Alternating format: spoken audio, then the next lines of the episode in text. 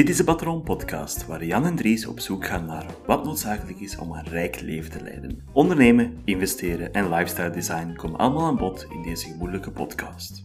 Wij zijn zelf geen experts, maar gaan samen met onze gasten op zoek naar hoe wij ons tijd en geld kunnen investeren om zo meer controle te krijgen over onze financiën en ons leven. Welkom bij de Patron Podcast.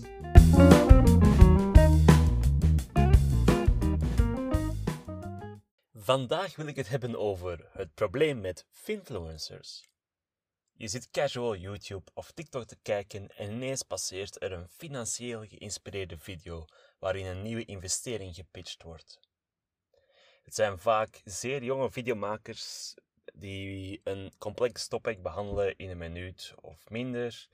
Een volledig bedrijf wordt geanalyseerd waarvan jij moet investeren. Dat kan alleen maar goed gaan, toch? Dit kan geen teleurstelling zijn. Het klinkt misschien wel slecht, maar ik ga een aantal redenen geven waarom ik denk dat het echt een problematisch iets is. Influencers in het algemeen die aandelen voor je de neus gooien en die uh, zeggen van oh, nu moet je in dat investeren, volgende week moet je in dat investeren. En ik snap hun wel, ze willen famous worden, ze willen beroemd worden, ze willen de wereld veranderen, ze willen hun kijk op de wereld delen en dat is geweldig op heel veel vlakken, maar niet als het op vlak van investeringen aankomt. Reden 1. Ze zijn veel te jong. En dat is gewoon ook de reden dat wij geen aandeeltips geven, is ook deels die reden, is wij zijn eigenlijk te jong om goede aandeeltips te geven. We zijn niet lang genoeg deel geweest van het economisch systeem waarin we geld verdienen, waarin we actief het nieuws opvolgen, waarin we ja, deel uitmaken van de samenleving die impact ondervindt van een recessie. Bijvoorbeeld, een recessie is als het een aantal kwartalen op reis slecht gaat met de economie. Simpelweg uitgelegd. Um, en veel van die jonge TikTok-makers zijn 18, 19 jaar, hebben nog nooit echt een echte economische moeilijke periode doorgemaakt. Je kan zeggen, ah, COVID, ah, we hebben gezien de impact van de oorlog. Dat is allemaal een moeilijke periode, maar relatief gezien in het grotere context is dat relatief beperkt allemaal. En dat is hetgene wat je nu ook al, begint te zien, langzamerhand. Er is veel meer zenuwachtigheid, nu dat er eindelijk een beetje negatieve spiraal in de markt zit. Uh, de markt gaat al een jaar niet super en je merkt dat velen niet weten hoe ze daarmee moeten omgaan. Aandelen gaan toch enkel omhoog? Dat was toch tot voor kort de mindset. Stocks only go up. Aandelen gaan enkel omhoog. Vooral duidelijkheid, het is niet per se omdat je ouder bent dat je per se meer over de aandelenmarkten weet. Het niet dat je per se wijzer wordt. Het merendeel van 50-plussers heeft geen verstand van hun eigen financiën of investeringen. Al ik wil zeggen is misschien een 16-jarige die drie, vier aandelen gekocht heeft in zijn leven, die allemaal de juiste kant zijn opgegaan.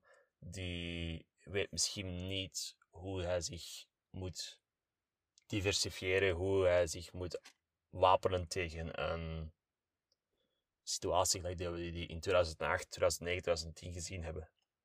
Er is vaak deze quote: History doesn't repeat itself, but it often rhymes. En dus de geschiedenis herhaalt zich niet, maar vaak rijmt hij wel. En daarmee kunnen omgaan is misschien een groot deel van ouder worden ook Nummer twee, er zit geen strategie achter en je leert er niks mee. Dat is mijn grootste punt met fintokkers, met uh, influencers die proberen te zeggen, ah, nu moet je dat kopen, nu moet je dat kopen, nu moet je dat kopen.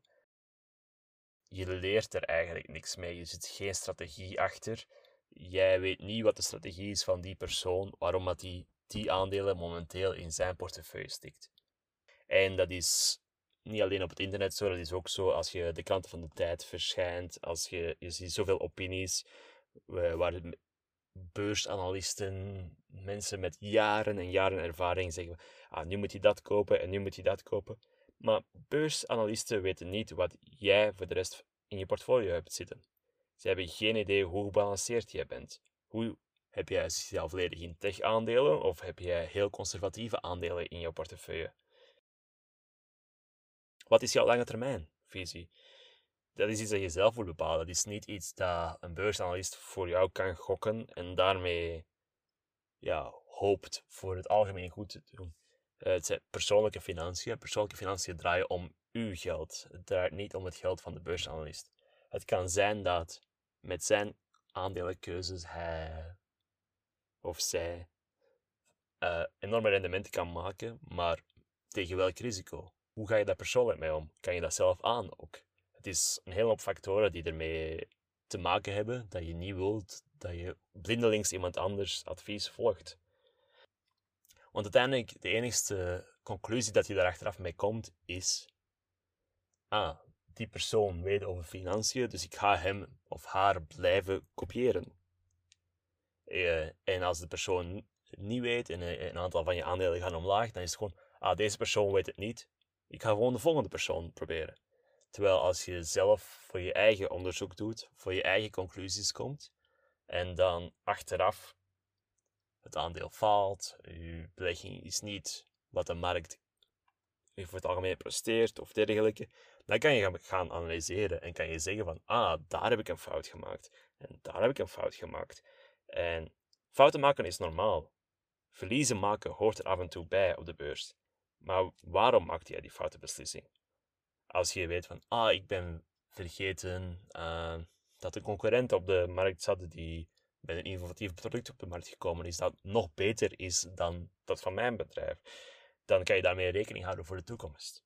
Als je gewoon weet van, ah, die persoon zegt dat, ik zal daarom maar kopen, daar leer je zelf niks bij en dan kan je in de toekomst ook geen betere beslissingen maken.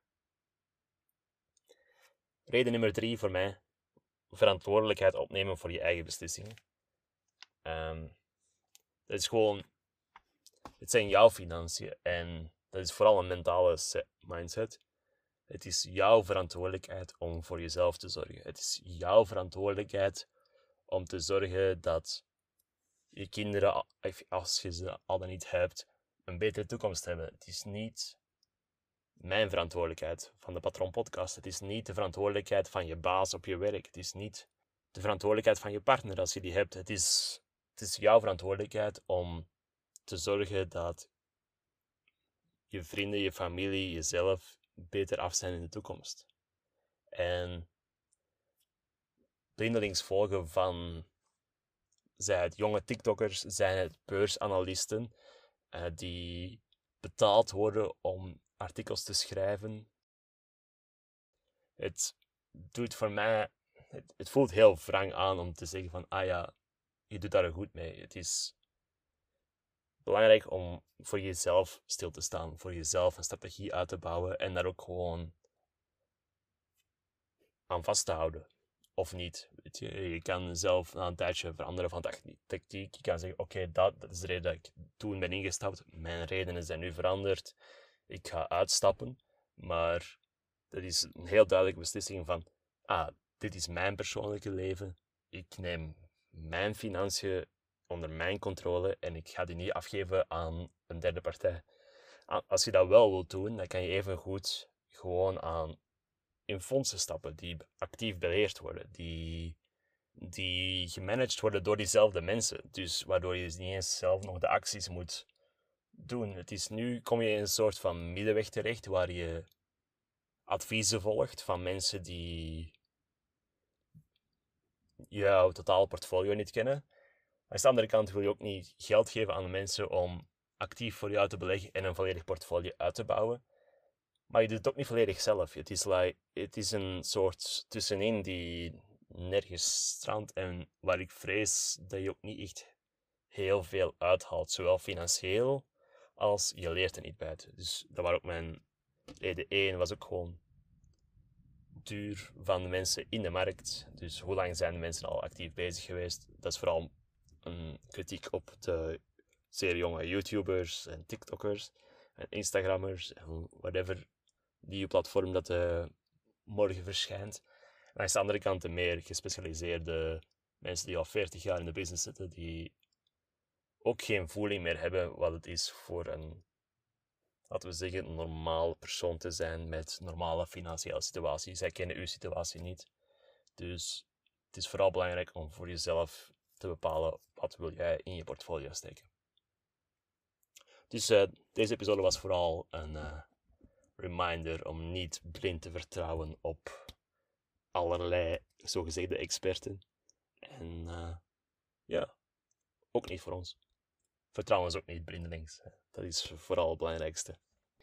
Dus de volgende keer dat je een nieuwe video ziet passeren, de volgende keer dat je een nieuw, een nieuw artikel ziet passeren in de gespecialiseerde media, om het zo te zeggen, uh, neem dat dan ook even met een korrel zout. En ga vooral niet meteen naar je beurs-app. Ga niet naar je Bolero de Giro, Bux, whatever het mogen zijn. En blijf vooral van de koopknop af voor een paar dagen. Laat het even bezinken. En denk dan eens na over, ja, is dit echt iets wat ik wil? Past dit echt binnen mijn strategie? Of ben ik maar gewoon reden aan het verzinnen om hetgene wat hij zegt dat ik moet kopen, of zij zegt dat ik moet kopen, omdat ik niet wil missen in de FOMO, de fear of missing out, het, de schrik om de opwaartse trend te missen. Dus pas op met alle financiële adviezen die je ziet op uh, het interwijde web. En dan uh, zien wij je volgende keer terug. Bye bye.